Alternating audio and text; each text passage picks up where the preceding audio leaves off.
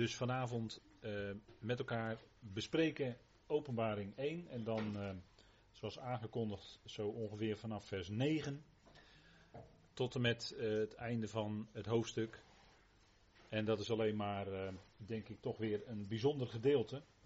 En we willen, voordat we met elkaar gaan beginnen, willen we eerst beginnen met gebed. Trouw vader, wij danken u dat we ook vanavond hier weer bij elkaar mogen zijn en dat doen rondom uw woord, vader. Dank u wel dat u spreekt door uw woord, dat in dit bijzondere boek, wat in onze Bijbels als laatste Bijbelboek staat vermeld, hoewel dat misschien toch, als we echt kijken, anders zou kunnen. Maar vader, het is zo aan ons overgeleverd en vader, de apostel Johannes mocht bijzondere dingen zien in de toekomst. Hij kreeg bijzondere gezichten, visioenen. En daarover willen met elkaar nadenken. Er zijn veel mensen altijd geïnteresseerd in dit Bijbelboek, omdat het spreekt over de toekomende dingen. En toch is het bijzonder, vader, dat hierin Jezus Christus wordt onthuld als degene die op aarde de orde op zaken zal stellen. Die zal blijken te zijn de koning van de koningen en de heer van de heren. Dank u wel dat we vanavond ook weer een aantal aspecten mogen zien. En een inleidend visioen. Vader, dank u wel dat u ons daarin wilt leiden. Ons wilt gebruiken als instrument in uw hand. Geeft u ons een geopend hart en een geopend oor voor dat woord van u. Geef wijsheid in het spreken, opdat het mag zijn tot opbouw van ons geloof en bovenal tot lof en eer en verheerlijking van uw naam, Vader. Dank u wel dat u alle dingen in uw hand heeft. En dank u wel dat deze dingen die in dit Bijbelboek beschreven staan, als zij gaan gebeuren, het heel snel zal gaan. Vader, want we hebben geleerd uit de schriften dat als u een werk doet van gericht, dat het eigenlijk voor u een vreemd werk is, zoals Jezaja zegt. En dat het daarom ook snel gaat. En dan zult u snel en grondig ingrijpen. Vader, we danken u daarvoor dat dat gaat gebeuren en dat wij eerder dan dat weggerukt zullen worden van deze aarde. Dank u wel voor die heerlijke toekomst die ons wacht. Dank u wel dat we zo vanavond weer een paar momenten daarbij stil mogen staan. We danken u daarvoor in de machtige naam van uw geliefde Zoon. Amen. Goed, de openbaring van Jezus Christus. En wij willen dan met elkaar inleiden dat stukje lezen uit Openbaring 1. En ik lees met u dan vanaf vers 8, want daarover gaan we ook nog een paar dingen zeggen. En dan lezen we het hoofdstuk verder uit. En er staat, Openbaring 1, vers 8. Ik ben de Alpha en de Omega, het begin en het einde, zegt de Heer, die is, die was en die komt, de Almachtige.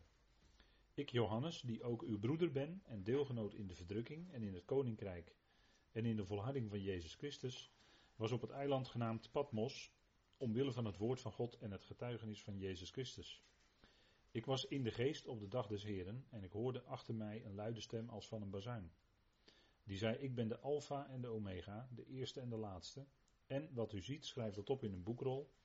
En stuur het aan de zeven gemeenten die in Azië zijn, naar Efeze, naar Smyrna, naar Pergamus, naar Thyatira, naar Sardis, naar Philadelphia en naar Laodicea.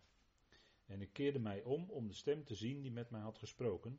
En toen ik mij had omgekeerd, zag ik zeven gouden kandelaren. En te midden van de zeven kandelaren iemand die op de zoon van de mensen leek, gekleed in een gewaad tot op de voeten en de borst omgord met een gouden gordel. En zijn hoofd en haren waren wit, als witte wol, als sneeuw, en zijn ogen als een vuurvlam. En zijn voeten waren als blinkend koper, gloeiend gemaakt in een oven, en zijn stem als het geluid van vele wateren. En hij had zeven sterren in zijn rechterhand, en uit zijn mond kwam een tweesnijdend scherp zwaard, en zijn gezicht was zoals de zon schijnt in haar kracht. En toen ik hem zag, viel ik als dood aan zijn voeten, en legde zijn rechterhand op mij, en zei tegen mij: Wees niet bevreesd. Ik ben de eerste en de laatste en de levende, en ik ben dood geweest, en zie, ik ben levend. Tot in alle eeuwigheid. Amen. En ik heb de sleutels van het rijk van de dood en van de dood. Schrijf nu op wat u gezien hebt en wat is en wat hierna zal geschieden.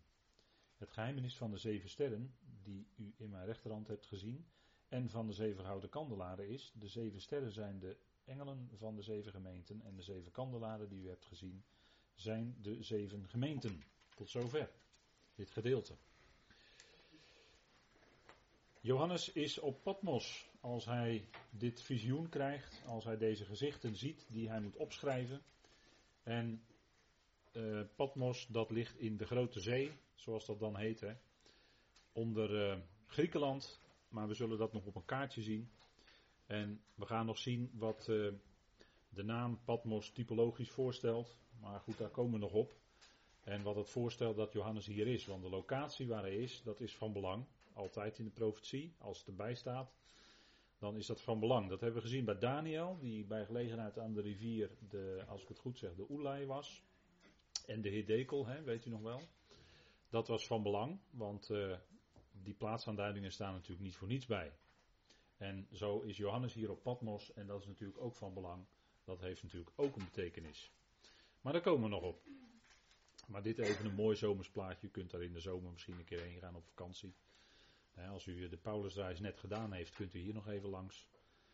Als u wat tijd heeft. Maar goed, dat eh, is uiteraard aan uzelf. In ieder geval heb je dan wel mooi weer. Goed, hij, Jezus Christus, wordt onthuld als de profeet. Dat hebben we ook de vorige keer gezien. Dit is even een kleine korte herhaling. De zon heb ik hier een plaatje van, omdat hij dan is de zon van de gerechtigheid. Hè, zoals in de profetie wordt genoemd. Als de zon opgaat over deze wereld, na de duistere tijd die het nu nog is, dan komt hij hè, als de zon van de gerechtigheid. En hij brengt hier als profeet de mededelingen voor de Ecclesia's. Daar gaan we natuurlijk de volgende keren over spreken. En aan het eind van het boek in de structuur komt dat nog een keer terug. Hè? Mededelingen in hoofdstuk 22, ook voor de Ecclesia's. En strikt genomen zou je zelfs kunnen zeggen dat dit hele boek Openbaring in eerste instantie aan die Ecclesia's gericht is. Zo zou je het ook nog kunnen zien. Wat zegt hij van zichzelf? Openbaring 1, vers 8. Hij zegt van zichzelf: Ik ben de Alpha en de Omega. Zegt de Heer, die is, die was en die komt, de Almachtige. En dat is typisch voor Johannes, want Johannes noemt hem het woord. Hè? Johannes 1, vers 1. Hij is het woord. Hij is het eerste en het laatste woord wat God spreekt. Als God gaat spreken, dan begint hij in feite door middel van zijn zoon. Want in het begin was het woord, of in een begin was het woord, zeg, eh, weet u nog wel. En alles is door het woord tot stand gebracht. Dus Johannes is altijd bezig met het woord. De Heer Jezus Christus is het vlees geworden woord. Hij is het woord van God. Hè? Als God spreekt, dan horen wij Hem. En Hij is dan de eerste en de laatste. Dat komt uh, twee keer terug in dit boek, in dit, uh, in, uh, in dit hoofdstuk wat we gelezen hebben. De alfa is natuurlijk de eerste letter van het Griekse alfabet en de omega is de laatste letter. En ik heb daarbij gezet de alef en de taf. Dat zijn dan de eerste en de laatste letter van het Hebreeuwse alfabet. De 1 en de 400. Alef en de taf. De alef is ook de letter van God. Dat is de 1, de ene, de ene God. Maar goed, daar gaan we nu niet te diep op in hoor. Maar ik noem het heel even terzijde. Ik ben de alfa en de omega, zegt de Heer, die is, die was en die komt de Almachtige. En dat is wat uh, de Heer zegt. En dit is natuurlijk onthulling van Jezus Christus. Hij is eigenlijk die Alpha en de Omega. Hij is degene die het hele plan van God uitvoert. God begint ermee en God eindigt ermee. En dat is allemaal door Hem. En ook tot Hem natuurlijk. De Almachtige. De Heer is niet alleen het woord. Dat is natuurlijk voor ons geweldig belangrijk. Hij is het woord. En als we God horen, dan horen we Hem spreken. En woord is natuurlijk iets wat onthult. Woord onthult de gedachten van God. In een woord leg je ook iets neer. Hè? Dat is eigenlijk letterlijk de betekenis van het begrip logos. Dat heeft te maken met leggen of neerleggen. Dus je legt de gedachte neer eigenlijk hè, in een woord. En woord is ook geest. Met een woord, een woord draagt ook geest in zich. Want het getuigenis van Jezus is de geest van de profetie, hè, zegt Openbaring 19. In de profetieën draait het ook om Hem. En helemaal in dit Bijbelboek, waar de profetieën op uitlopen. Hè, hier vinden we allemaal uitlopers van de profetie. Hier wordt het laatste zichtbaar, waar het allemaal naartoe leidt. En in dit Bijbelboek wordt ook Hij onthuld. Hè, Jezus Christus wordt onthuld. En dat is het belangrijke, dat hebben we gezien en dat kunnen we eigenlijk niet genoeg benadrukken. En hier wordt van de Heer gezegd dat Hij is de Almachtige. Dat is in het Grieks de Pantokrator. Dat betekent de totaal of almachthebber. Degene die alle macht heeft. En dat is natuurlijk iets geweldigs, want dat betekent dat hij alles in zijn hand heeft. En dat geeft ook troost aan het begin van dit boek. Want als wij in dit boek gaan lezen, dan komen wij bijvoorbeeld in Openbaring 13, 14, 15, 16, 17, 18. Komen dat zogenaamde antichristelijke rijk met als hoofdstad Babel tegen. Maar uiteindelijk kan dat rijk niet op tegen Gods gezalfde. God heeft namelijk alles in zijn hand. Dus hij is de totaal machthebber. Hij heeft alles in zijn hand. Hij heeft alle macht en kracht. En dat is natuurlijk zijn heerlijkheid. Hè? Dat is, dat is uh, uh, de grote kracht die hij heeft. Alles in zijn hand. De totaal machthebber. Dat is natuurlijk zijn heerlijkheid. En die macht die hij heeft, die wordt gestuurd door zijn liefde. Want het hart van God is liefde. En alles wat hij doet, komt voort uit zijn liefde. Ook als hij gericht houdt, en dat is dit Bijbelboek natuurlijk, hè, gaat het om de gerichten, dan is dat vanuit zijn liefde. En dat, dat zouden we ons goed bewust zijn. Hè? Deze aanduiding, en dat is toch wel bijzonder, komt juist in dit Bijbelboek heel vaak voor. Ik heb het hier even op een rijtje gezet. Hè. 1 vers 8, 4 vers 8, 11 vers 17, 15 vers 3, 16 vers 7 en 14, 19 vers 6 en 15, 21 vers 22. En dan heb je 9, als ik goed tel, van de 10 plaatsen waar dit voorkomt in de schrift. In althans de Griekse schrift. Want het is natuurlijk een uh, Griekse uitdrukking, hè? pantokrator. En dan komt het ook nog voor in 2 Korinthe 6 vers 18. Dus daar ziet u het ook. En daar is het in verband met uh, een heilig leven, hè, een heiligheid van de gelovigen. Dat ze geen uh, verbinding aangaan, geen ongelijk juk gaan vormen met, uh, met de andere kant, om het zo maar te zeggen, met de ongelovigen. Hè. Dat zou een verbinding betekenen tussen Christus en Belial. Dat zou een verbinding betekenen tussen duisternis en licht. Nou, dat kan ten ene niet. Hè. Die dingen zijn niet te verbinden met elkaar. En in dat kader wordt dan hij ook genoemd hè, dat hij dan hun vader zal zijn. Hè. Zij richten zich op hem als zijn zonen en zijn dochters. En dan is hij hun vader en dan staat er, zegt de Heer de Almachtige. In de Griekse vertaling van de Hebreeuwse schrift komt die uitdrukking ook voor. Maar goed, dat zeg ik erbij, het is de Griekse vertaling, hè, de Septuagint. En daar lezen we het in 2 Samuel 5 vers 10. 7 vers 8, 25 en 27. En het opvallende daar is eigenlijk, in, als je dat nagaat in Samuel, dat het verbonden wordt met David en het huis van David, het koningschap van David. Juist in verband daarmee wordt hij dan genoemd, althans in de Griekse vertaling, eh, dat zeg ik er heel nadrukkelijk bij, de Almachtige. En dan staat er, eh, dan is het de vertaling van de Heer van de legermachten. JW Zebaot. Wat in de oudere vertaling wordt genoemd de Heere der Heerscharen. dat is even voor uw begrip, hè, dat u weet over, over welk begrip we dan hebben. De God van de legermachten, de Heer van de legerscharen, die als hij oorlog voert uh, de overwinning behaalt. Omdat zijn legerscharen, zijn legermachten, zijn natuurlijk sterker dan die van de tegenstander. En als daar straks in uh, Israël die grote eindstrijd zal zijn, dan zullen die legers ook vernietigend verslagen worden. Nou, dat blijkt dat hij dus de God van de legermachten is. Hè? JW Zebaot, hè? Dat komt voor in de profetieën, dat weet u wel. En dat komt vooral voor in profetieën, zo lijkt het, die het thema van openbaring het meest benaderen. Zo wordt hij bijvoorbeeld ook in Joel genoemd. Hè? En in andere profeten, die dus duidelijk verband hebben met openbaring waarin je het terug kan lezen. Uh, dus dat is een beetje de achtergrond hier kunt u deze uitdrukking, eh, deze benaming van God tegenkomen. Ehm, de Almachtige. Dus dat is in verband dan met het boek Openbaring. Als hij gericht oefent, blijkt hij de Almachtige te zijn. Blijkt hij de totaalmachthebber te zijn. Vijandige machten kunnen zich verzamelen tegen God en zijn gezalfde. Psalm 2 bijvoorbeeld denk ik dan aan. Maar de Heer zal in feite om hen lachen, want hij heeft alle macht. En al die tegenkrachten die verzameld worden, zullen alleen maar zijn tot meerdere eer en heerlijkheid van hemzelf, omdat hij dan de totale overwinning zal behalen hè, over al die verzamelde legers. Dus dat Pantocrator, hè, de Almachtige, dat is uh, iets heel bijzonders wat er dan staat. Hè. Hij heeft alle macht.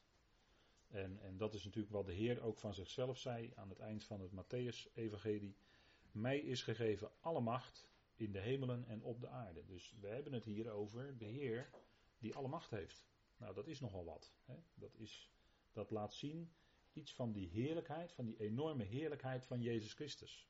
En dat is dan de heerlijkheid die dan op aarde zichtbaar zal zijn. En dan hebben we het nog niet over zijn hemelse heerlijkheid. Want dan gelden er ook andere titels. En dan is die heerlijkheid hoger. Dan is er meer heerlijkheid. Maar die worden daarbij, vooral bij Paulus natuurlijk dan genoemd. Hè? Dus u moet dat wel, dat contrast even uh, in de gaten hebben. Dus in zo'n vers wordt natuurlijk heel erg veel gezegd. Hè? Dit, dit achtste vers.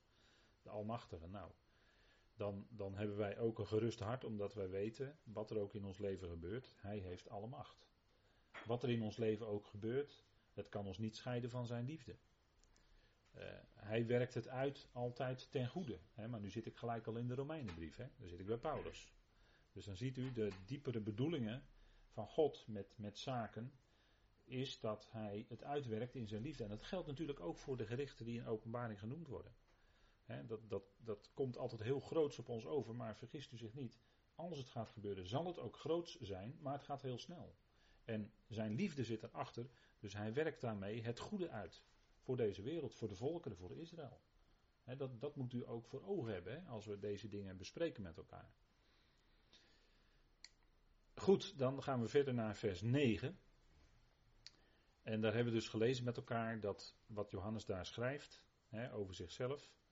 Hij is de broeder, mededeelgenoot in de verdrukking en koninkrijk en de volharding in Jezus Christus. Kwam op het eiland genaamd Patmos om het woord van God en om het getuigenis van Jezus Christus.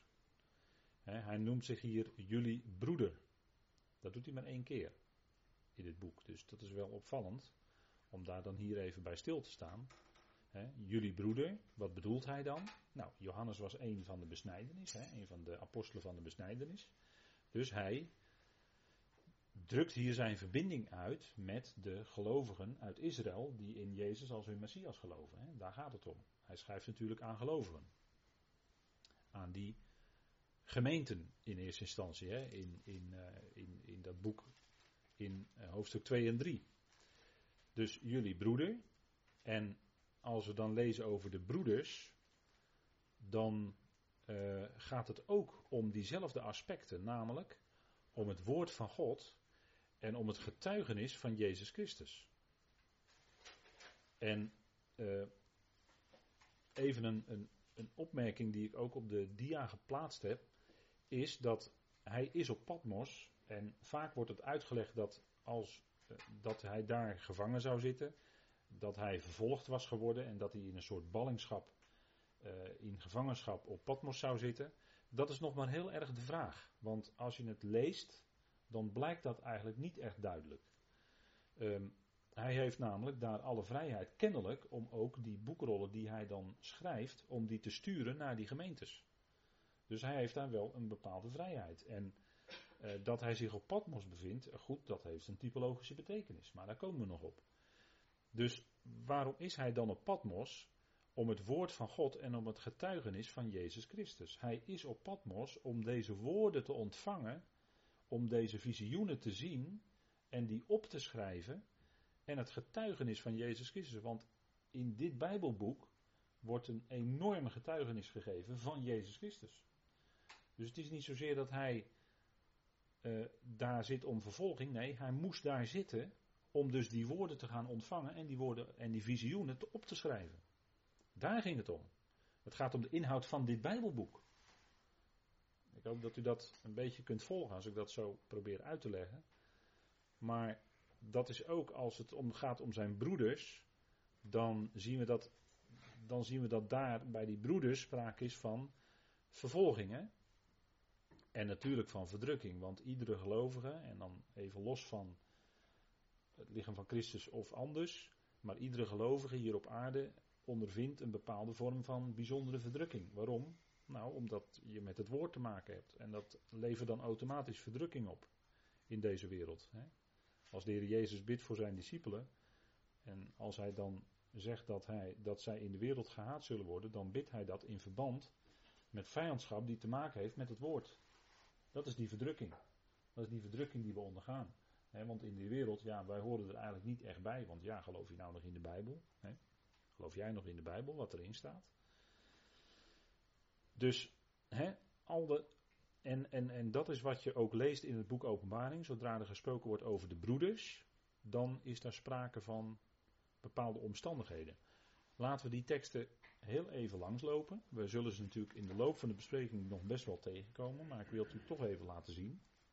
Dan gaan we eerst even naar Openbaring 6, vers 11.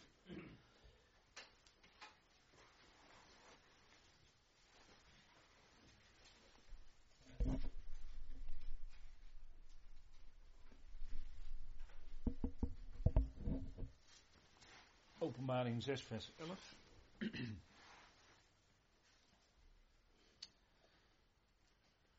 En dan gaat het om. Uh, dat zullen we eerst even met elkaar lezen.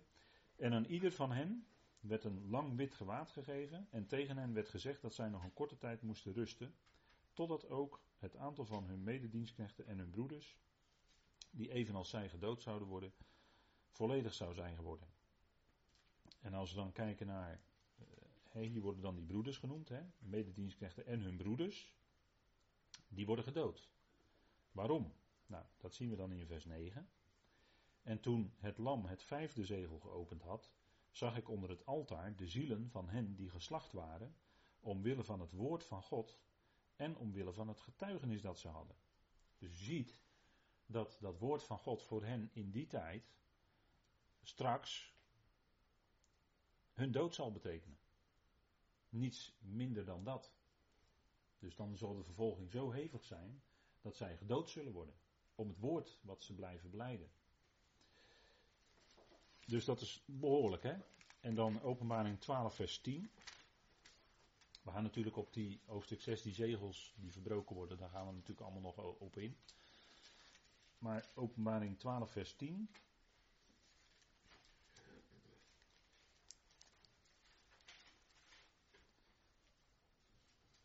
En daar staat, en ik hoorde een luide stem in de hemel zeggen, nu is gekomen de redding, de kracht en het koninkrijk van onze God en de macht van zijn Christus. Want de aanklager van onze broeders, die hen dag en nacht aanklaagde voor onze God, is neergeworpen. hier gaat het natuurlijk om de, uh, het uh, neerwerpen van de draak op de aarde. Hè? Dat gebeurt in de laatste jaarweek van Daniel. En hier wordt dan als een uh, getuigenis, hè, als, een, als een vreugde, wordt hier dit uitgesproken wat in vers 10 staat.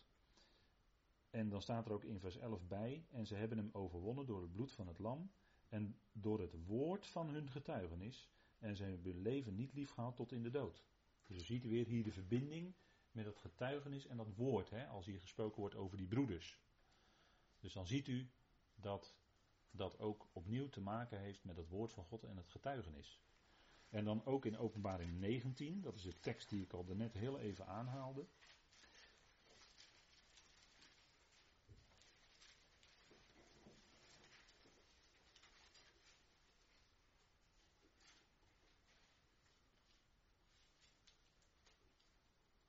En dan even vanaf vers 9. En hij zei tegen mij: Schrijf. Zalig zijn zij die geroepen zijn tot het avondmaal van de bruiloft van het Lam. En hij zei tegen mij: Dit zijn de waarachtige woorden van God. En ik viel voor zijn voeten om hem te aanbidden, maar hij zei tegen mij: Pas op dat u dat niet doet. ik ben, uw ik ben een mededienstknecht van u en van uw broeders, die het getuigenis van Jezus hebben. Aanbid God. Het getuigenis van Jezus is namelijk de geest van de profetie. Ziet u het, hè? In de profetieën gaat het om het getuigenis van Jezus. En zij hebben dat. En daarom uh, zijn ze nu zalig, want zij zijn geroepen tot die bruiloft, hè, de komende duizend jaar. Dus het gaat hier opnieuw in verband met die broeders om het getuigenis van Jezus. En dat is de geest van de profetie. Hè, doortrekt alle profetieën. De psalmen spreken profetisch over hem. De profetieën spreken profetisch over onze Heer. Het gaat steeds over hem. Hij staat centraal. En dat is voor ons denk ik duidelijk. Hè? Dan als laatste openbaring 22 vers 9. Daar worden ook die broeders genoemd. En opnieuw diezelfde opmerking van Johannes. Openbaring 22 vers 9. En hij zei tegen mij, pas op dat u dat niet doet, want ik ben een mededienstknecht, letterlijk een medeslaaf van jullie en van jullie broeders, de profeten, en van hen die de woorden van dit boek in acht nemen. Aanbid God. En hij zei tegen mij: Verzegel de woorden van de profetie van dit boek niet, want de tijd is nabij. Dus hier wordt opnieuw gesproken over het, de woorden van dit boek. Hè, en de woorden van de profetie. Ook in verband weer met die broeders. Hè. Dus steeds is het die broeders in verband met dat woord van God en het getuigenis van Jezus Christus. En ik denk dat het altijd zo is als je in het geloof, hoe dan ook, of het nou om Israël gaat of om de gemeente, eh, als, als je broeders van elkaar bent, dan heb je te maken met het woord van God. Dat kan niet anders. Hè. Dat woord moet dan centraal staan. Dat woord is wat je aan elkaar verbindt. En je kunt niet zonder. En dat is, uh, dat is wat in, in hè, als we bij elkaar komen, als, als gelijkgezinden, als broeders van elkaar, dan kan het niet anders, dan gaat het woord open. Ik kan me niet de samenkomst, een bewuste samenkomst van gelovigen voorstellen zonder dat het woord open gaat. Kan ik me niet indenken, kan ik me niet voorstellen. Ik denk dat dat centraal moet staan. Ik denk dat dat iets is wat ons verbindt, wat ons opbouwt, wat ons leven geeft, wat ons verblijdt. telkens weer horen naar het woord. Nou, dat is uh, wat broeders aan elkaar verbindt. Daarin vind je elkaar rondom dat woord. Althans, dat is altijd mijn ervaring geweest. Vreugde rondom dat woord. Dan vind je elkaar. Want dat is wat je met elkaar verbindt. Dat is wat je hart opent. Als de Bijbel open gaat, als Gods woord open gaat, dan gaat ook je hart open als het goed is. Dan ben je gelovige. En dat is denk ik wat uh, ook in dit boek dan, in dit bij, bijzondere Bijbelboek ook opnieuw klinkt. Het is altijd verbonden met het woord. Hè? Israël is ook altijd het volk van het woord. Zij hadden de Torah in hun midden en dat maakte hen bijzonder. Daardoor waren ze geheiligd, omdat ze die Torah in hun midden hadden, die onderwijzing van. En het was steeds, hoor Israël, hoor. Ze moesten steeds horen naar het woord, want het horen werkt geloof. Door horen komt geloof. Als je niet hoort naar het woord, dan gaat je geloof verflauwen. Je moet voeden. Dan blijft het brandend in je. Of je moet het water geven. Dan blijft die plant in je blijft groeien. Dus weer dan precies hetzelfde beeld, maar dan anders. Nou, dat is het hè. Dus zij waren om. Johannes was op Patmos om het woord van God en om het getuigenis van Jezus Christus. En we kunnen dan denken meer eigenlijk aan de inhoud van dit Bijbelboek Openbaring. Dan dat hij zozeer uh, als gevolg van vervolging daar op Patmos was. En over de datering van dit boek, dat schiet me nu te binnen. Daar zijn uh, verschillende meningen over. Uh, velen dateren het, maar dat is een traditionele datering tussen het jaar 90 en 100 ongeveer, AD. Maar het zou best eens kunnen zijn dat het veel eerder geschreven is. Daar zijn ook hele goed gefundeerde studies over verschenen. Maar goed, het is allemaal niet zo van belang. Uh, wat veel meer van belang is, is dat dit Bijbelboek, dat we dit openen, dat we dit lezen en ons daarin verdiepen. Johannes ziet Jezus Christus. Dat uh, klinkt zo'n vijf keer in dit eerste hoofdstuk. Die titel Jezus Christus, die zouden we ook natuurlijk niet missen. Um, want um, dat klinkt ook in vers 9, hè? Uh, in de volharding van Jezus Christus. Dus die titel klinkt daar. We komen hem vijf keer tegen in dit eerste hoofdstuk. En Jezus Christus is de titel die verbonden is met zijn aardse heerlijkheid. Het is Jezus die de gezalfde is. En bij Paulus lezen we over Christus Jezus. Alleen bij Paulus, hè? Niet ergens anders, alleen bij Paulus lezen we over Christus Jezus. Hè? En dat is de hemelse Heer, daar staat zijn heerlijkheidstitel voorop. Hè? Christus Jezus. Dat is niet zomaar een literair, willekeurige literaire variant van, ik, laat ik het maar eens anders omschrijven. Maar dat is natuurlijk heel bewust door Heilige Geest geïnspireerd, door God geïnspireerd. Paulus schrijft over Christus Jezus, dan hebben we het over de hemelse Heer, met hemelse heerlijkheid en andere titels. En uh, hier gaat het om Jezus Christus, zijn heerlijkheid, die ook groot is, maar verbonden met de aarde. En dat is een tegenstelling met Christus Jezus. Hè. Ik wijs er nog maar eens op, opdat we deze dingen goed weten. Jezus betekent, JW is redder. Hè, JW is redder. Jaweh, hij die was, die is en die komt, die is ook redder. En dat klinkt door heel de schrift heen, van A tot Z. Christus, Christos, dat is de gezalfde, dat is het Hebreeuwse Mashiach. En in het Grieks is dat Christos, gezalfde. En een gezalfde was altijd, of niet altijd, maar kon een profeet, priester of koning zijn. Profeet is maar heel zelden hoor, dat hij gezalfd werd in de Bijbel. Koning lees je wel vaker, David zelfs meerdere keren. En een priester werd ook gezalfd. Hè? Aaron en zijn zonen, toen zij gewijd werden, werden zij gezalfd. En daar wordt in Psalm 33 nog aan gerefereerd. Hè? De olie, de kostelijke olie die op het hoofd van Aaron gegoten wordt. En dan komt het in zijn baard, weet u wel. En dan lekt het zo door helemaal tot de zomer van zijn kleed. En ik moet niet denken dat dat er zomaar staat zo in die psalm. Dat heeft natuurlijk een geweldige betekenis. Maar goed, ook daar gaan we niet te diep op in, want dat voert weer van het onderwerp af. Maar in ieder geval, hij is de gezalfde. Hè? Christus is de gezalfde van God. En hij is de ware profeet. Hij is de ware priester. Althans, hoge priester naar de ordening van Melchizedek. En dan zeg ik eigenlijk al dat hij ook koning is. Want Melchizedek was nou eenmaal een koning en een priester. Dus ja, als hij naar die ordening is, dan uh, is hij ook priester en koning en is hij daarvoor gezalfd. Niet letterlijk, maar met Heilige Geest. Hè? Want zalving met olie is natuurlijk een type van de zalving met Heilige Geest. En daar zijn wij ook mee gezalfd. Daar zijn we ook mee gezalfd. Dat staat ergens in de brieven van Paulus. In Korinthe hoor ik al zeggen. Eerste of, eerste of tweede Korinthebrief, wie weet dat toevallig. Eerste Korinthebrief. Hij die ons met u bevestigt in de gezalfde en ons heeft gezalfd is God. Die ook zijn zegel op ons heeft gedrukt. Ja, precies. Dat, is, uh, ja. dat staat in Korinthe. De gezalf, wij zijn ook gezalfd hè, met de Heilige Geest. En daar, daarmee is het, uh, uh, het bijzondere toch wel van ons. Hè, wij zijn verzegeld en gezalfd. Dat zijn natuurlijk verschillende beelden die gebruikt worden. Om de geweldige zekerheid en het geweldige zegel wat God op ons heeft gedrukt, om dat duidelijk te maken. Jezus Christus, dus de titel die maar liefst vijf keer in dit eerste hoofdstuk naar voren komt. Dus dat is natuurlijk van belang. Hè? Het gaat allemaal om hem. Nou, Johannes op Patmos. Uh, hij is daar. Dat heeft natuurlijk een betekenis. Uh, Patmos is een eiland in de wateren, hè, in de zeeën, anders is het geen eiland. En dat is een type van Israël in ballingschap in feite. Want waar was Johannes? Hij was dus niet in Jeruzalem, waar hij het woord ontving. Zoals de profeten wel bij gelegenheid, of in Babel. Maar hij was niet in Jeruzalem, de plaats waar hij eigenlijk zou moeten zijn. Maar nee, er was sprake van ballingschap. Zij waren verstrooid geworden, de Joden, hè, Israël onder de volkeren. Dus dit is al een aanduiding, hij is in ballingschap. Hij is niet in Jeruzalem, hij is op Patmos, ergens anders.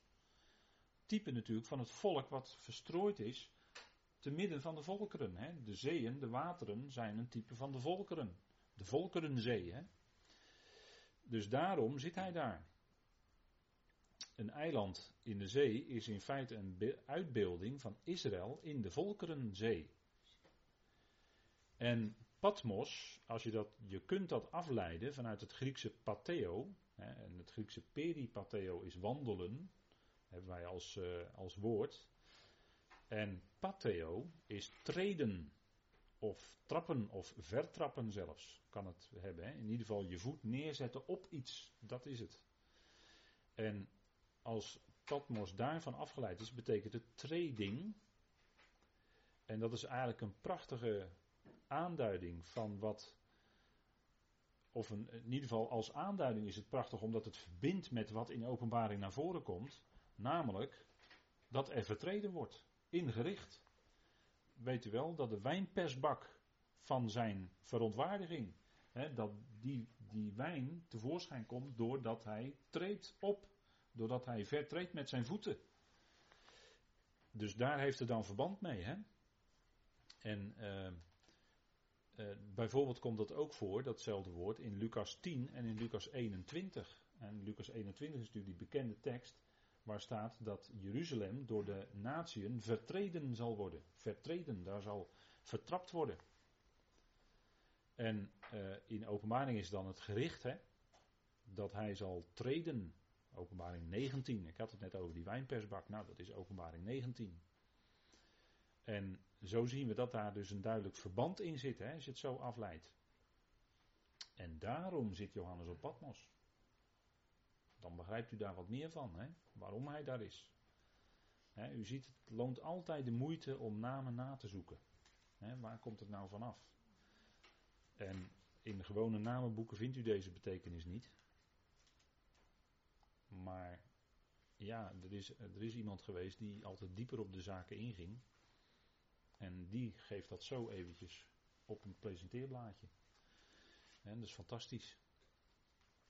Nou, we zien dus dat verband. En laten we dan heel even kijken naar openbaring 14. Daar vinden we dat woord terug.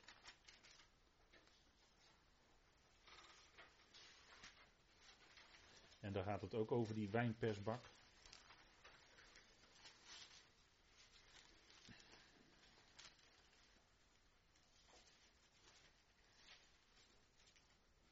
Net als trouwens in openbaring 19, daar gaat het ook over diezelfde. En ik lees even vanaf vers 19 in openbaring 14. En de engel zond zijn sikkel op de aarde en oogste van de wijnstok van de aarde en wierp die in de grote wijnpersbak van de toren of verontwaardiging van God. En de wijnpersbak werd getreden, dat hebben we het woord, hè, getreden buiten de stad. En er kwam bloed uit de wijnpersbak tot aan de tomen van de paarden, 1600 stadien ver. Dat is wat, hè, wat hier staat. Dat is wat. Wat hier gebeurt. Dat is, uh, dat is zo ongelooflijk veel bloed wat hier. Hè, dat is de wijnpersbak. En dan wordt er ook afgerekend hier. Hè. Dan uh, wordt echt de sikkel erin gezet. En dan gaat er ook iets gebeuren. En dan wordt er ingegrepen door God dat is onvoorstelbaar wat we hier lezen. en ehm, misschien weet iemand die tekst, maar ik moet denken ook aan dat ook de Joden enorme verdrukking zullen ondergaan. Het zal een tijd zijn van grote verdrukking. En dat zij die in het land zijn, daarvan zal twee derde gedood worden. Maar u moet me maar even helpen, want het schiet me nu te binnen, maar ik weet niet precies de tekstplaats daarvan. Maar uh, daar, dan heb ik moeite met mensen die nu heel erg ijverig bezig zijn Israëlieten naar het land te brengen. men, men, zet daar veel geld op in, men, zet men doet daar veel inspanningen voor. Israël terug in het land. Maar als ik deze, dit soort profetieën dan bedenk, dan denk ik van ja, ze gaan naar het land, maar is dat dan wel de plek? Want het zal daar verschrikkelijk voor hen aflopen. Helaas. Maar het zal zo zijn. Het staat in, in schrift. Kan er ook niks anders van maken dan dat. Kan er niks anders van maken. maar, maar je merkt dat bij, bij mensen van, vanuit een bepaalde geliefdheid naar Israël toe. En daar op zich is niks mis mee. Alleen dat men dan dit soort profetieën overslaat. En alleen maar andere profetieën citeert. Die spreken over heil en vrede enzovoort. Maar dan trek je een scheef beeld. Dan trek je een scheef beeld, want het, er zal gericht komen. We kunnen die dingen niet overslaan in de schrift. Dat staat er ook geschreven. Zal ook gaan gebeuren. En het moet ook gebeuren. God moet ingrijpen straks. maar dan vind, ik het, dan vind ik het eigenlijk, ja. Daar heb je dan eh, naar de mens gesproken moeite mee. omdat je weet wat er gaat gebeuren daar. Maar goed, het, het zal ontzettend zijn. Maar dan ziet u dus dat het vertreden, dat treden, dus we zien dan eigenlijk in die benaming van het eiland Patmos, dat daarin al iets gezegd wordt van Kijk, dit, dit zijn de dingen die in dit boek ook beschreven staan. Dit komt naar voren. dat is heel ernstig. En uh, ik denk dat het goed is om dat met elkaar te beseffen. Hè? En dan heeft u eigenlijk het antwoord waarom Johannes daar zit. Waarom hij daar juist deze visioenen moest zien en moest noteren. Ik denk dat dat uh, niet voor niets is. Goed, ja, waar gaat het om in het boek Openbaring? Daar gaat het natuurlijk om uiteindelijk de vernietiging van Babel, hè? de hoofdstad van het toekomstige antichristelijke wereldrijk, om het zo maar te zeggen. De toren van Babel. En Babel, dat betekent eigenlijk, hè, als je het afleidt van uh, Balal in het Hebreeuws, dan betekent het in desintegratie. Uiteenvalling. Dan is eigenlijk Babel datgene wat uh, gaat uiteenvallen. En waarom hebben die, is, is, er die benaming? Omdat God daar natuurlijk de spraak van de mensen uit elkaar deed vallen. hij desintegreerde die spraak. Het was één spraak. ze hadden één taal toen. En daarom konden ze ook heel hard werken als mensen gezamenlijk aan die toren. En daarom zei God: nee, ik ga die spraak verwarren. Ik ga die spraak desintegreren. Ik laat die spraak uiteenvallen in meerdere talen. En dus kunnen ze niet meer samenwerken. En vandaar die naam Babel, hè? desintegratie. Vergeet dat nooit dat het dat betekent. Dat is helemaal geen positieve aanduiding.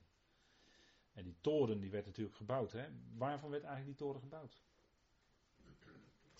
Tichelstenen, hè? Tichelstenen. Tichelstenen, net als Israël ze in Egypte moest bakken hè, later. De tichelstenen, dat is een aanduiding in de schrift van de werken van de mens. En Babel vertegenwoordigt ook het principe van de stad. Want wat is eigenlijk naar de schrift, hè? Het principe van de stad is dat de mens bij elkaar gaat zitten, zichzelf een stad bouwt en daarmee eigenlijk zegt: we kunnen onszelf wel redden, we hebben God niet nodig. Dat is eigenlijk het principe van een stad. En wie, want wie was de eerste die een stad ging bouwen? Dat was Kain. En wat deed Kain? Nou, hij sloeg zijn broer dood. En daarin was Kain eigenlijk een type van het volk Israël in ongeloof wat hun broer met een hoofdletter doodde. Jezus Christus. Zij doodde hun broer. En daarin, daarvan was Kain eigenlijk een type. Hè? Dus dat principe van de stad, dat zien we bij Kain en dat zien we dus later bij Nimrod, die de stad Babel bouwde. Hè? Het beginsel van het koninkrijk, het antichristelijke rijk, wat, laat, wat binnenkort zijn culminering gaat hebben in het laatste grote wereldrijk, wat daarin, vooral in dat Midden-Oosten gesitueerd zal zijn. Dit zijn de lijnen die de schrift trekt. En uh, daarom was Judas Iscariot ook zo'n opvallende naam. Want Iscariot betekent de man van de steden. Iscariot hè, betekent man van steden. En Judas was daarmee dus met die naam verbonden en typeerde ook het ongelovige Israël, wat zijn broeder, de Heer Jezus Christus, overleefde om gedood te worden. Dan ziet u verbanden, zo ziet u wat verbanden hè, in de schrift, hoe dat ligt. En, en ja, dat zijn natuurlijk die lijnen die God laat zien uh, waarvan, we dus in deze tijd leven. Steeds meer zien we dus in onze tijd ook verstedelijking. Hè. Dat leren we op school al, urbanisatie. Dat is verstedelijking. De dorpen raken ontvolkt en alles gaat naar de stad. Dat zien we ook in ons land gebeuren in de afgelopen 50 jaar. En dat zien we wereldwijd gebeuren. Enorme miljoenen steden. En dat is helemaal niet gezegd dat het allemaal zo ideaal is hoor. Want gaat u maar eens in krottenwijken kijken van steden. Wat daar allemaal aan de hand is. Nou, dat is niet best. dat zijn ontzettende toestanden, armoede en nou, noem maar op. Alle ellende die je maar kan voorstellen. Dus het principe van stad zien we juist ook in onze tijd heel erg naar voren komen. En dit is de stad, Babel, die de hoofdstad zal zijn van het wereldrijk, het laatste wereldrijk, wat zonder God de zaken wil opzetten en wil vasthouden. En het zal uiteindelijk, dat weten we dus ook uit dit boek Openbaring, en dat is er dan ook een stukje vreugde, zal ook totaal vernietigd gaan worden. En het gaat heel snel.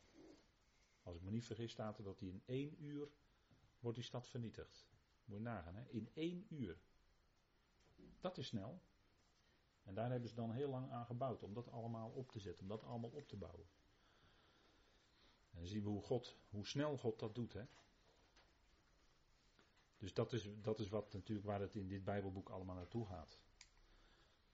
Nou, verdrukking. Hè? Johannes was, we gaan even terug naar uh, eh, 1 vers 9. Johannes was in verdrukking. Het koninkrijk en de volharding. En die dingen hebben natuurlijk met elkaar te maken. Anders worden ze niet in één adem genoemd, hè, in één vers. Hè, het koninkrijk. Hier gaat het om het openbaar worden van het koninkrijk.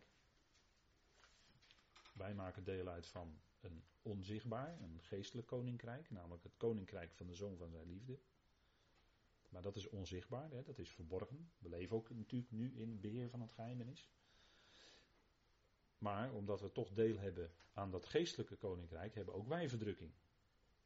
Daar schrijft Paulus over meerdere keren in zijn brieven. Hè. Verdrukking, dat is tlipsis, dat betekent druk van buitenaf. Hè. Drukking. Druk van buitenaf die uitgeoefend wordt. Dan heb je, je kan ook benauwd zijn, dat is van binnen. Dan heb je van binnen druk, benauwdheid. Kan ook. Paulus kende beide. Geestelijke druk en de geestelijke druk die hem ook van binnen benauwd maakte. Maar verdrukking, daarvoor zegt Paulus toch ook iets heel wonderlijks in Romeinen 5. Dat wij roemen in de verdrukkingen. En dat is heel wonderlijk. Wij roemen in de verdrukking. Waarom, zegt Paulus? Nou, omdat we weten dat de verdrukking, volharding, hebben we hier ook, hè, volharding. Omdat de verdrukking volharding bewerkt. Volharding.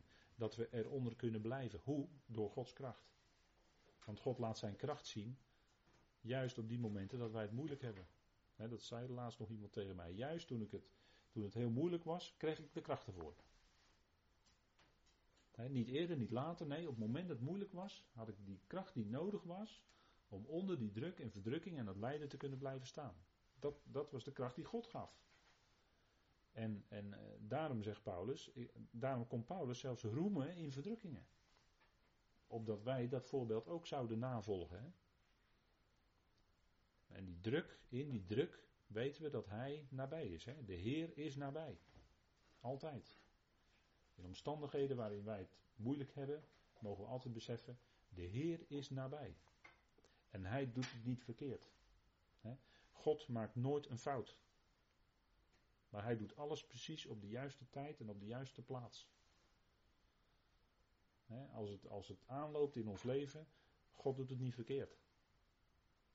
dat is die geweldige bemoediging die we hebben uit, uit, eh, uit, eh, uit wat, alles wat Paulus schrijft. En dat het lijden van nu zelfs zal omgezet worden in heerlijkheid. Dat kunnen we ons maar nauwelijks beseffen, maar het is wel zo. Dus verdrukking, hij kende dat Johannes, hè, omdat hij een gelovige was. En iedere gelovige, hoe dan ook, welke bedeling dan ook, kent verdrukkingen. Opdat we volharding gaan ondervinden. Hè. De volharding die ook hij in ons bewerkt, uiteindelijk. Zo is het wel. Verdrukking. En dat heeft te maken met het koninkrijk. Dat wil zeggen dat Gods rijk zichtbaar gaat worden. Hè, hier bij Johannes. Hè, zichtbare aspect door druk krijg je boter, is er wel eens gezegd. Hè? Ik meen dat het ergens in spreuken staat. Toch? Staat ergens in spreuken. Door druk krijg je boter. En bij, bij, hè, het gaat om een koningschap. En kijk, die ossen, dat is een span ossen onder een juk. En, en we leven in zekere zin toch ook onder een juk. Uh, dat is misschien de druk waaronder we staan. Maar wij kunnen daar ook onder blijven. En dat is wat, daarvoor geeft God dan ook de kracht. En zo kunnen we zelfs met Paulus gaandeweg misschien ook eh, gaan, een beetje gaan roemen in verdrukkingen. Omdat het een situatie is waarin wij beseffen, meer, meer dan een andere situatie waarin we geen druk ervaren, dan beseffen we des te meer hoe geweldig God ons de kracht geeft. En dan is het tot eer van Hem. Dat is het zoals God het uitwerkt. Nou, ik denk dat dat toch even bijzonder is, hè, omdat het zit zomaar even zo in de tekst hier. En dan staat er, en ik kwam in de geest, En dan heb ik het even goed vertaald. Althans, er staat in in het Grieks. Dus ik kwam in de geest in de dag van de Heer. En ik hoor achter mij een luide stem als van een bazuin. dus Johannes kwam hier in de geest. Dus dat wil al iets zeggen dat hij, als je bijvoorbeeld de profeet Ezekiel leest, dan lees je ook soortgelijke bewoordingen. Dat wil zeggen dat er, dat er een visioen gaat komen. Ik kwam in de geest in de dag van de Heer. Of in, eh, heel letterlijk is het des Heeren dag. Hè? Het is een iets andere constructie. Maar je kunt er niet omheen. Het moet hier gaan over wat in de profeten aangekondigd is als de dag des Heren. De dag van JW. Kan niet anders. Daar kun je toch echt niet omheen. Men heeft daarvan gemaakt natuurlijk, dat weet u wel, de zondag. Maar er is geen enkele aanleiding in de context hier te veronderstellen dat het hier om de zondag zou gaan. Met andere woorden, om de eerste dag van de week. Hoe, hoe mooie verklaringen men daar ook bij geeft. Maar de context van het boek is, het is de dag des Heren, die al door de profeten was aangekondigd. En als je de profeten hebt gelezen, dan kan je dit helemaal niet meer missen. Dan weet je gelijk waar het over gaat. Dat is de dag van JW. We hebben daar in het verleden al uitvoerig bij stilgestaan. En daarom gaan we dat vanavond niet heel uitvoerig doen. Maar uh, ja, als je. Uh, soms zeggen mensen wel eens van nou, uh, van, van mij mag God wel gaan ingrijpen hoor in deze wereld. Van mij mag het wel. Ik weet niet of ze helemaal dan beseffen wat ze dan zeggen hoor. Want als je dan gaat lezen wat er gaat gebeuren als die dag des Heren gaat komen. Want let op dat in de profetieën er zeer regelmatig gesproken wordt als het gaat om gerichten, dat het gaat om het komen van de dag van de Heer. En dat de dag van de Heer nabij is. En dat hij komt met duisternis en wolken en donkerheid enzovoort. Maar als die dag echt doorgebroken is, ja, dan is het licht. Dan is de zon der gerechtigheid opgegaan. Hè? Dan is het zomer geworden. Dan is het voorbij. Maar let op dat het gaat om het komen van de dag des Heren. En uh, in het Nieuwe Testament of in de Griekse wordt ook gesproken over de dag van de Heer. Bijvoorbeeld in Handelingen 2. Hè? Daar haalt uh, Peters haalt Joel aan en dan noemt hij ook de dag van de Heer. 1 Thessalonicense 5. Vers 2. Kunt u het ook lezen. Hè? Daar lezen we ook over de dag des Heren. En 2 Thessalonicense 1. Die Thessalonicensen waren verontrust. Omdat zij meenden dat de dag des Heren al aanbrak. Maar dat kan helemaal niet, zegt Paulus. Want ik heb jullie toch in mijn vorige brief gewezen op die bazuin. En dat het een verschil is met wat in Zacharia staat. Daar refereert Paulus aan hoor, in zijn tweede brief. Dus het kan helemaal niet dat zij uh, in de dag des Heren zouden komen. Dat is onmogelijk. Daar wijst hij ze dan op. En dan wijst hij ze ook op wat hij allemaal aan hen verteld had. Ook uit Daniel.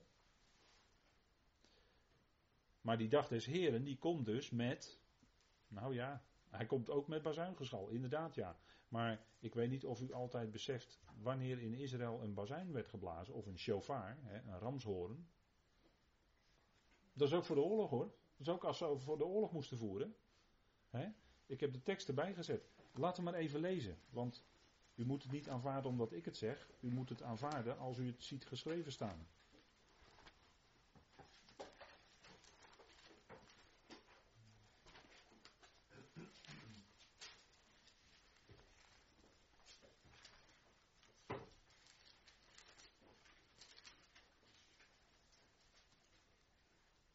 Dan staat er in uh, nummer 10, vers 9. Wanneer u dan in uw land ten strijde trekt tegen de tegenstander die u benauwt, moet u, moet u met die trompetten een ononderbroken, sorry, een onderbroken klank laten horen. Dan zal aan u gedacht worden voor het aangezicht van de Heer uw God, en u zult van uw vijanden verlost worden. Ziet u? Dus het ten strijde trekken, oorlog, dat ging gepaard met de trompetten, met de bazuinen, die moesten, moesten klinken. Dus dat is. Uh, hè, dus uh, dat, dat er dan bij gelegenheid staat in de profetieën. Uh, blaast de bazuin in Sion. Dat wil helemaal niet zeggen dat, dat er dan een, een of ander geweldig feest gaat aanbreken. Maar dat heeft dan te maken met dat er dan oorlog gaat komen. Dat er dan strijd gaat komen. Dat Israël verlost gaat worden van een vijanden uiteindelijk. Hè? Als de Heer ze verlost. Dus, uh, nou, En die dag des Heren, misschien even als uh, een soort reminder, uh, zomaar even Savanja 1 lezen. Savanja leest u denk ik niet zo vaak. En daarom is het misschien goed om dat nu een keer te doen. Savanja 1 en dan vanaf vers 14. Daar wordt namelijk gesproken over de dag des Heren.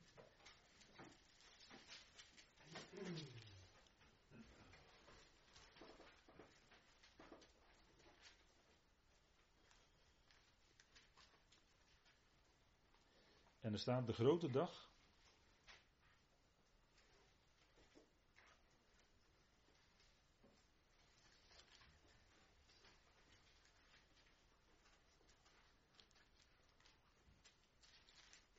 Nou, misschien is het even goed om de, vanaf vers 12 te lezen, want dan ziet u dat, er, dat het ook verband houdt met iets wat in Israël gebeurt. En in die tijd zal het gebeuren, je 1 vers 12, dat ik Jeruzalem met lampen zal doorzoeken. Ik zal de mannen straffen die dik worden op hun droesem, die in hun hart zeggen, de Heer doet geen goed en het doet geen kwaad. Daarom zal hun vermogen tot buit worden, hun huizen tot een woestenij. Zij zullen huizen bouwen, maar die niet bewonen. Ze zullen wijngaarden planten, maar daarvan de wijn niet drinken. dit, is, dit, is, een aspect van gericht wat gaat komen. De grote dag van de Heer is nabij. Hij is nabij en nadert zeer snel. Hoor de dag van de Heer. De held zal daarin bitter schreeuwen. Een dag van verbolgenheid is die dag. Een dag van benauwdheid en angst. Een dag van verwoesting en vernietiging. Een dag van duisternis en donkerheid. Een dag van donkere wolken. Een dag van bazuingeschal en krijgsgeschreeuw. Tegen de versterkte steden en tegen de hoge hoektorens. Ik zal de mensen benauwen zodat ze zullen gaan als blinden. Enzovoort. U ziet het hier, hè? Maar er wordt gesproken in vers 14 over de grote dag van de Heer is nabij. Dus hier is die bezig te komen. En dat gaat gepaard met gericht. Dat is, een, dat is de dag van zijn verontwaardiging. Hè? En die dag van gericht die gaat vooraf aan het grote doorbreken van de dag des Heeren. Dat is inleidend. En dat is wat. Uh, en in die dag, hè, in de dag van de Heer, met de inleidende gerichten, daarin werd Johannes in een visioen verplaatst, in de geest. En dat is de setting van deze profetie. Dat is heel belangrijk dat we goed beseffen, hij is op Patmos en hij is in de geest. Dus het gaat om visioenen die hij ziet. En dan is hij in de geest in de dag des Heren. Dus dan ziet hij, dan wordt hij dus als het ware in de geest uit de tijd geplaatst. En dan ziet hij de dingen die in die dag des Heren gaan gebeuren. En dan vooral heel groot de dingen die inleidende gerichten zijn op het doorbreken van de dag des Heren. En dat is het wonderlijke. Kijk, God staat buiten de tijd. En voor God, ja, dat kunnen wij ons niet voorstellen. Maar God, die, die ziet al die dingen al. Ik zeg het dan maar zo om het proberen aan u duidelijk te maken. En voor hem, zou je zelfs ook nog kunnen zeggen, zijn ze al gebeurd. Maar dat komt omdat God buiten de tijd staat. En als wij bij de bazuin weggerukt worden, zullen wij ook onmiddellijk buiten de tijd gesteld worden. En, en dat is natuurlijk iets heel bijzonders wat Johannes dan hier meemaakt. En dat hadden de profetieën, eh, de profeten van Tenach hadden dat ook, Ezekiel bijvoorbeeld. Die werd ook in de geest werd hij getransporteerd. Hè? En zag hij ook dat dal van dorre doosbeenderen. Nou, dat kon hij alleen maar zien omdat hij in de geest in de toekomst verplaatst werd. Hij zag dingen die in de toekomst gingen gebeuren. En dat had Johannes dus ook. En, en uh, God is bij machten dus dat kennelijk bij een mens dat te doen. Op een of andere manier. En uh, dat is eigenlijk wat Johannes ziet. En dat is ook de, de, de, hele sleutel tot dit Bijbelboek. Dat we dus goed beseffen dat hij is in de dag van de Heer. De dag van JW. En dat is dan ook, hè, als je gewoon nauwkeurig de tekst volgt vanuit het Grieks. Dan, dan is het ook helemaal gelijk duidelijk. Hè? Hij is in de geest, in de dag van de Heer. Dat is duidelijk waar het om draait. Hè? Dan is het niet. Maar vertalingen die leiden ons altijd af van. En dat is, dat is zo jammer. Maar goed, eh, daarom zijn we er ook mee bezig. Om eh, daar weer toch dat, eh, dat dichter bij u te brengen. En hij hoorde achter zich een luide stem. De zon die gaat op. Hè? Ik weet niet of u daar nog eens naar gekeken heeft. Ik heb dat een keer genoemd. dat uh, de zon onderging in het leven van Jacob, weet u nog wel. En dan heb je een aantal hoofdstukken en dan gaat de zon weer op. Misschien heeft u dat nog eens nagezocht. Maar goed, dat even terzijde. En dan lezen wij in Openbaring 1, vers 11 zijn we inmiddels. Want Johannes draaide zich om en hij keek om om hem te zien die spreekt. Of hij hoorde een stem en die sprak. Ik ben de Alpha en de Omega, de eerste en de laatste. En wat je ziet, schrijf dat op in een boekrol en stuur het aan de zeven gemeenten in Azië, naar Efeze, Smyrna, Pergamus, Thyatira, Sardis, Philadelphia en Laodicea. Dus hij moest gaan opschrijven wat hij ziet. En dat ziet hij dus als hij in de geest is getransporteerd in de dag des Heren. Die dingen die schrijft hij op. Dus hij ziet degene die als JW zichtbaar is, ziet hij degene die is de eerste en de laatste. Johannes ziet dus de Heer. Want in Jezaja zei de Heer al van zichzelf, zo zegt JW, de koning van Israël, zijn verlosser JW van de legermachten. Ik ben de eerste en ik ben de laatste. En buiten mij is er geen Elohim, geen God. Dus hier zien we opnieuw, die, hier zien we al die uitspraak, die werd al in Jezaja gedaan. En die wordt hier eigenlijk in openbaring gereciteerd. Hè? Ik ben de eerste en ik ben de laatste. En buiten mij is er geen Elohim. dus dan zien we een duidelijk verband met de sprekende hier. dat het dus degene is die je hoort als JW spreekt. JW, als we het hebben over God, die geest is, dan is hij onhoorbaar en onzichtbaar. Maar als we hem kunnen zien en horen, dan is het de Heer Jezus Christus. dus zodra hij hoorbaar spreekt, dan is het de Heer of hij spreekt via een boodschapper. Dat kan ook.